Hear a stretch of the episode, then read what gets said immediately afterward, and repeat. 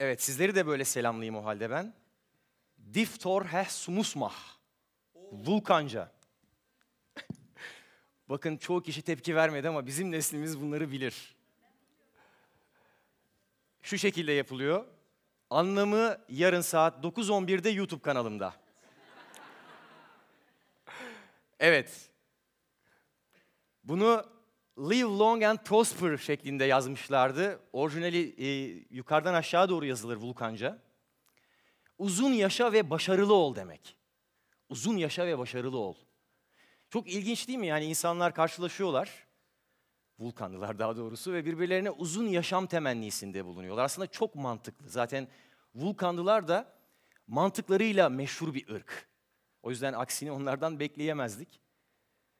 Fakat biz birbirimizle karşılaştığımızda karşı taraf hapşurmadıkça ona çok yaşa diye selam vermeyiz.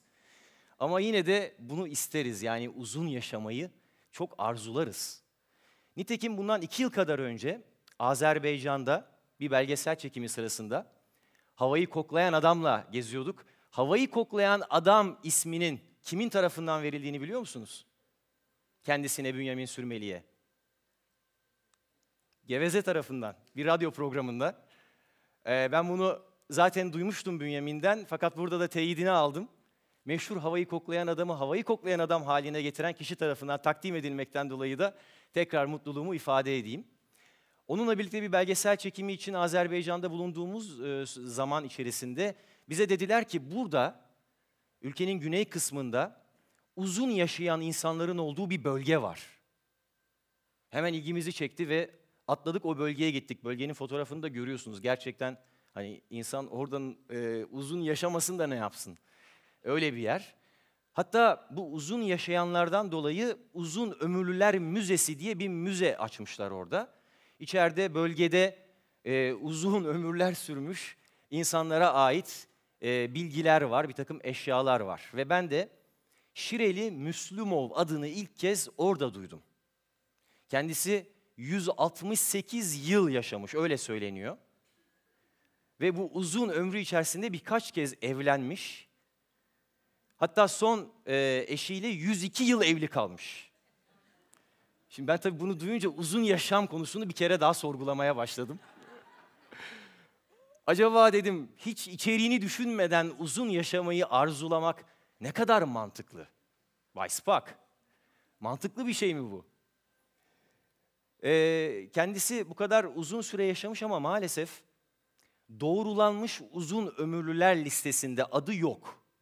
Çünkü doğrulanamamış. Çünkü doğduğunda herhangi bir kayda tutulmamış, bir doğum sertifikasına sahip değil. Zaten bizde de öyledir ya.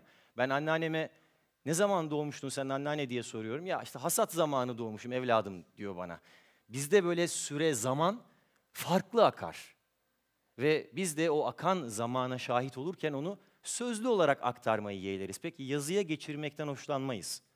Oysa gelişmiş ülkeler bu işe çok daha önce başladılar. Her şeyin kaydını tutmaya. O yüzden doğrulanmış e, uzun ömürlüler listesinde genellikle e, Japonya, İtalya, Fransa, İngiltere, Amerika gibi ülkelerden e, isimleri görmek mümkün. Yalnız bu listeyi incelediğimde benim dikkatimi çeken bir konu daha oldu. O da şu anda yeryüzünde yaşamakta olan en uzun ömürlü 100 insandan sadece 7 tanesi erkek. 93 tanesi kadın. Bunu yorumsuz olarak şöyle koyuyorum. Ee, yani bu e, konuşmaya hazırlanırken, araştırma yaparken de listenin en başında e, Amerika'da yaşayan bir nine vardı. Suzanna nine. 1899 yılında doğmuş. Dile kolay. Onun hayat köprüsü üç asrı birbirine bağlıyor.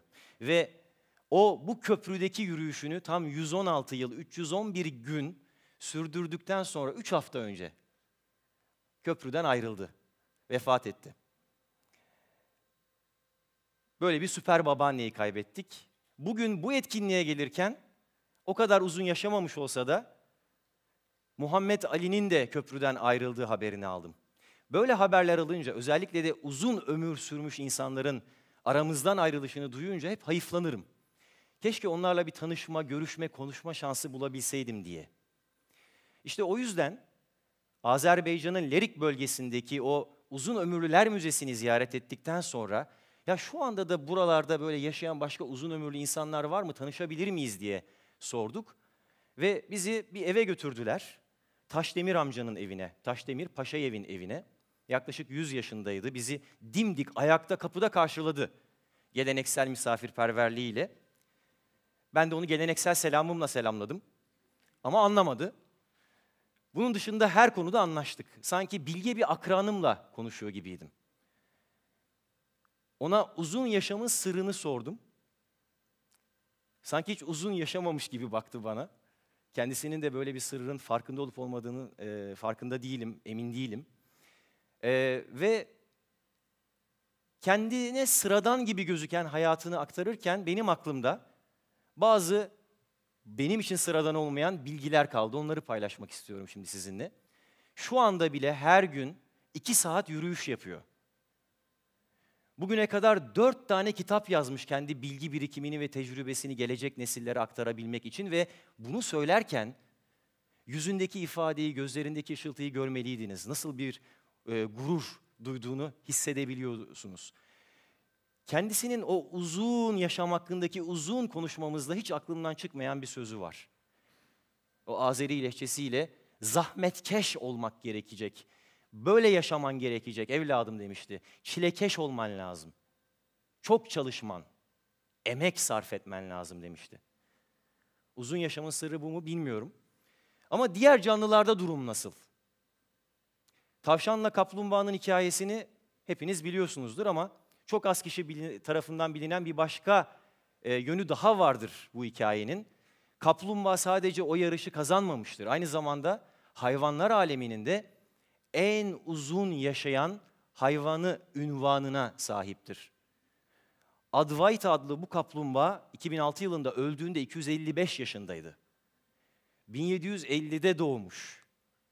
Dört asrı gördüğü hayat köprüsünde aheste aheste yavaş yavaş yürürken pek çok şeye tanık olmuş. O masallardaki kaplumbağa bilgeliğini kazanmak öyle kolay değil. Tavşanları geçebilmek için sabırlı olmak gerek. Sabır.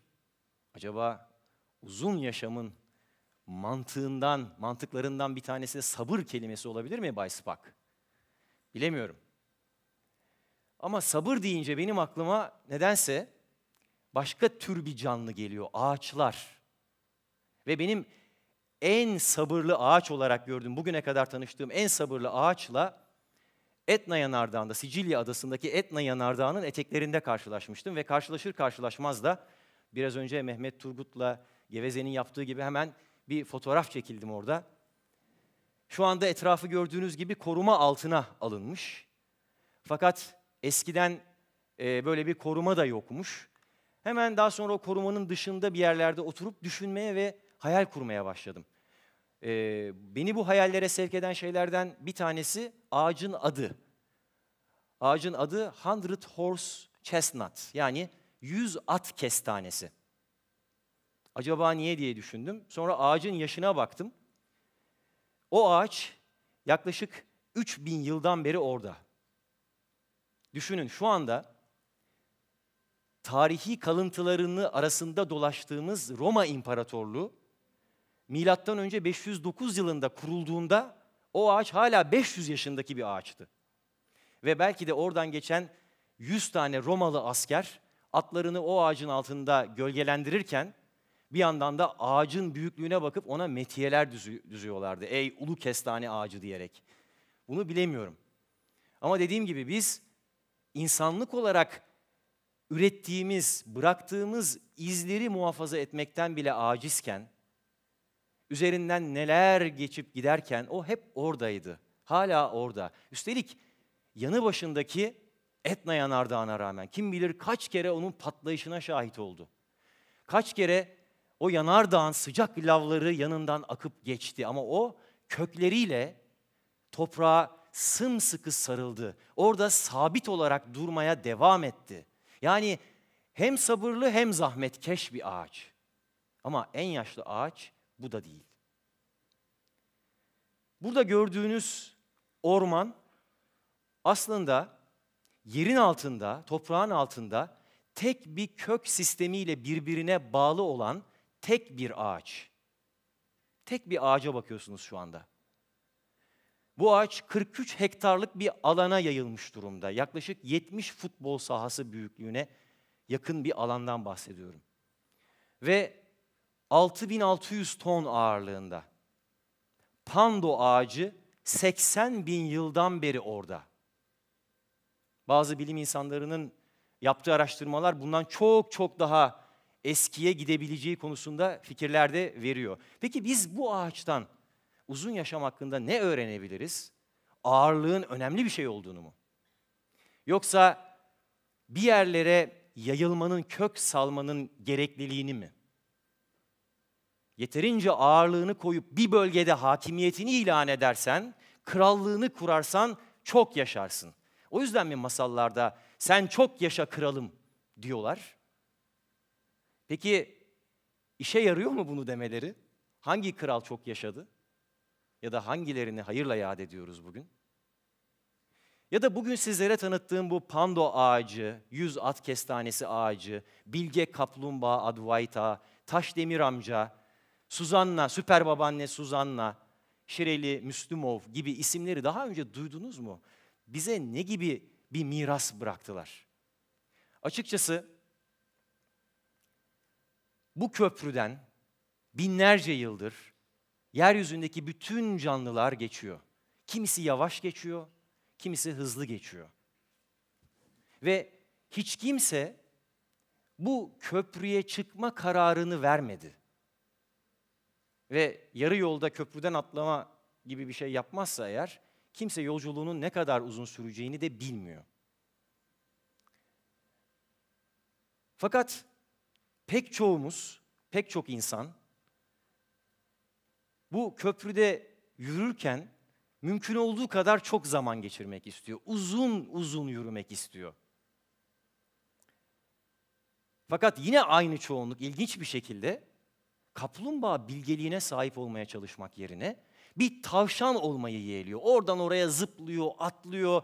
Bir şeyleri hemen bitirmeye, bir şeyleri hemen tüketmeye çalışıyor. Taşdemir Usta gibi, Taşdemir Paşayev gibi zahmetkeş olmaya çalışmak yerine az çalışıp çok kazanmayı hedefliyor. Bir ağaç gibi sabırlı olmak yerine yanı başında yanar dağlar patlasa, öfkesini alevlere dönüştürüp üzerine salsa bile orada sabit kalmak, direnmek yerine tahammülsüz bir şekilde hemen her şeyden vazgeçmeye çalışıyor. Oysa bir köprüdeysek eğer manzaranın tadını çıkartmak lazım. Evet bu köprü biraz ince, geçilmesi zor bir sırat köprüsü gibi ama bizden daha önce geçen canlıların bıraktığı izleri takip ederek onlardan bir şeyler öğrenmeye çalışabiliriz. Yanı başımızdan geçip giden diğer canlılara veya bizden sonra bu köprüye çıkacak olan diğer canlılara bizler de kalıcı izler bırakmaya çalışabiliriz. O zaman ne kadar uzun yaşadığımızın, bu köprüde ne kadar vakit geçirdiğimizin çok da bir önemi kalmaz diye düşünüyorum.